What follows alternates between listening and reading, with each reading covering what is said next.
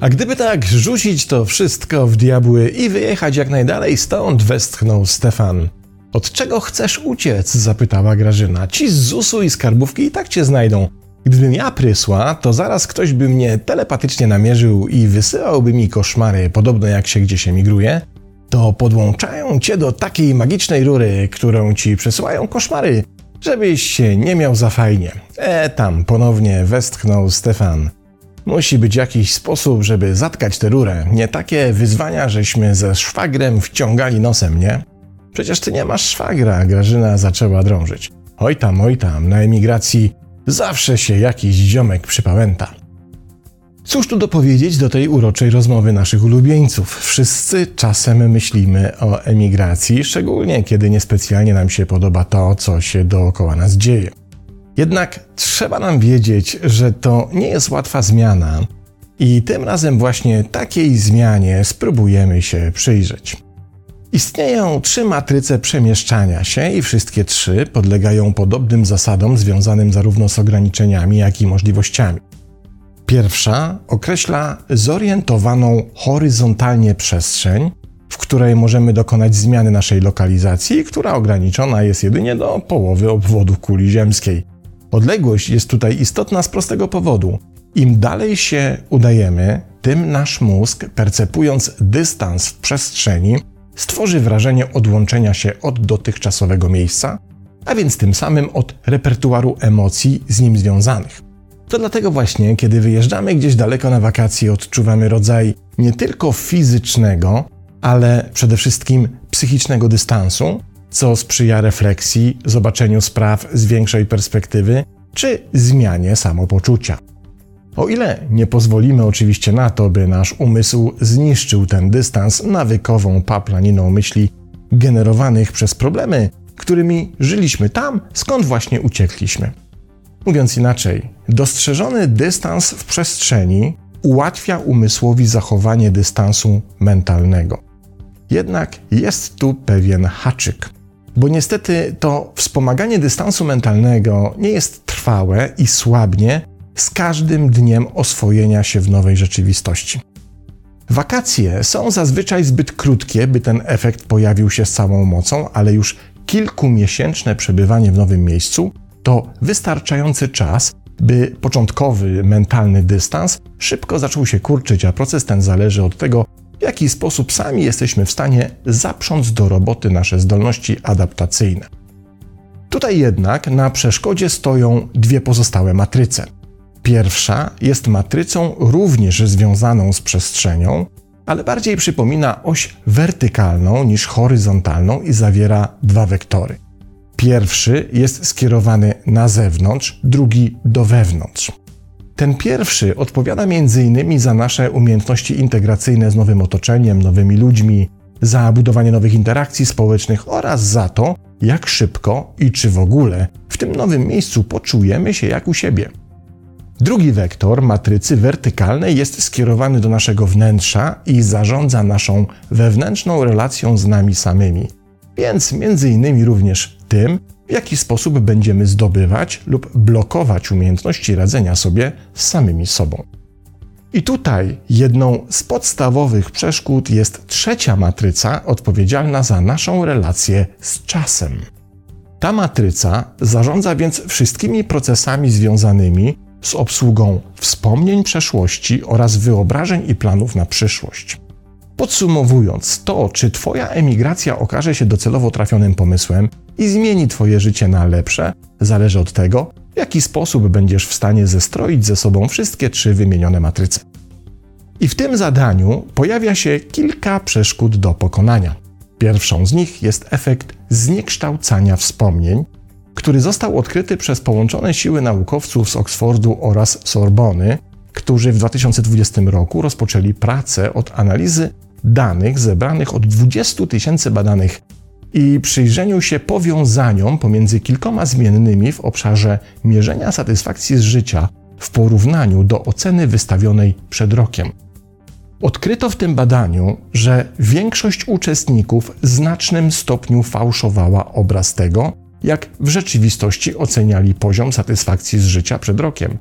Ci, którzy uznawali, że ich poziom życia się poprawił, przeceniali pozytywne aspekty jakości życia w przeszłości.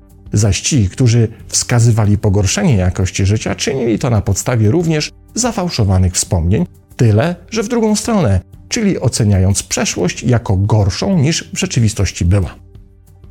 Żeby potwierdzić to odkrycie, naukowcy sięgnęli do wyników podobnych badań przeprowadzonych wcześniej na 18 tysiącach osób we Francji oraz 11 tysiącach osób w Niemczech.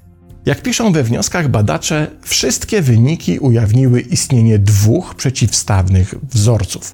Ludzie zadowoleni z obecnej sytuacji mają tendencję do widzenia swojej przeszłości również jako zadowalającej, a ludzie niezadowoleni ze swojego życia wykazują tendencję do widzenia swojej przeszłości w dużo czarniejszych barwach niż rzeczywiście by na to zasługiwała. Jeśli teraz wyniki tych badań przełożymy na doświadczenia emigracyjne, otrzymamy wzorzec, w którym uwolnienie się od traum przeszłości będzie nam przychodziło tym łatwiej, im większego zadowolenia z życia na emigracji uda nam się doświadczyć. I to pod każdym możliwym względem zawodowym, rodzinnym czy towarzyskim. Im gorszy jednak wynik osiągniemy, tym większe prawdopodobieństwo, że dodatkowo pogorszymy nasz stan psychiczny, wyolbrzymiając niezagojone rany, przeszłe negatywne doświadczenia i toksyczne wspomnienia. Jednak efekt zniekształcania wspomnień to nie jedyna przeszkoda na drodze do prawidłowego zestrojenia trzech wspomnianych wcześniej matryc. Kolejnym problemem jest obecna moda na traumę. I to nie jest mój złośliwy żarcik, ale obserwacja brytyjskiego lekarza doktora Gabora Mate, którą zawarł w swoim artykule Niewidzialne dziedzictwo Wszechobecność traumy, napisanym dla magazynu Psychotherapy Networker. Dr Mate zwraca uwagę, że obecnie przeważająca część pacjentów odwiedzających psychoterapeutyczne gabinety Wielkiej Brytanii zaczyna swoje wizyty od wyznania, że w przeszłości doświadczyli jakiegoś rodzaju traumy, czyli jakiegoś psychicznego urazu, w którego efekcie w ich psychicznym funkcjonowaniu pojawiła się trwała zmiana. Innymi słowy, to już tak powszechna autodiagnoza, że wstyd przychodzić do terapeuty z czymś innym. A to oznacza, że autodiagnozując naszą przeszłość, już dzisiaj z automatu poszukujemy w niej traum. A to z kolei powoduje, żeby dopasować się do dzisiejszych konwenansów, każde odnalezione w przeszłości negatywne zdarzenie dobrze jest rozdmuchać do wymiarów traumy, by samemu przed sobą było co roztrząsać. Pamiętajmy przy tym, że stanowisko doktora Mate nie przeczy temu, że wielu ludzi rzeczywiście w swojej przeszłości doświadczyło traum, a jedynie zwraca naszą uwagę, że obecna moda skłania wiele osób do nadawania drastycznie negatywnych znaczeń wydarzeniom z przeszłości, pompując ich wielkość do rozmiarów, na które tak naprawdę nie zasługują. Im zaś większy rozmiar traumy, tym w efekcie wydaje się być trudniejsza do pokonania, prawda? Czyli mówiąc inaczej, kiedy 10 lat temu nowy emigracyjny Stefanowy ziomek narąbał się na imprezie i wywalił zanurzając w ponczu to na drugi dzień przepraszał, obiecywał skruchę i przyznawał, że przesadził. Obecnie, po dokładnie takiej samej akcji z zanurkowaniem w ponczu, ziomuś też przeprasza, ale jednocześnie wskazuje, że za tym wszystkim może stać trauma z dzieciństwa. Trzeci problem niestety jest już mniej zabawny, wskazuje nań doktor Susan Babel, specjalizująca się w leczeniu traum w San Francisco, która analizując losy emigrantów obecnie przebywających w Stanach Zjednoczonych, przekonuje, że wiele przypadków dotyczyło emigracji na skutek nie tyle ucieczki z kraju od złych warunków ekonomicznych czy środowiskowych ku lepszemu światu, ale przede wszystkim ucieczki od nadużyć doświadczanych od najbliższych, w tym najczęściej rodziców. I to w sytuacji, w której nikt nie reaguje na przemoc psychiczną, bo albo rodzina nie chce tego dostrzec i w to uwierzyć, albo też przymyka na to oko, bo przecież wszystko powinno zostać w rodzinie.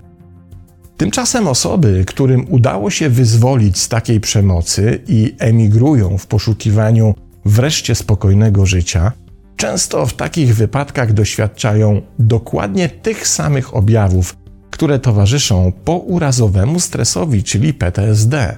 Pojawiają się więc obniżone zdolności koncentracyjne, często pojawiające się znikąd poczucie strachu i bezradności, zwiększone reakcje zaskoczeniowe czy senne koszmary, co sumarycznie obniża jakość naszego funkcjonowania.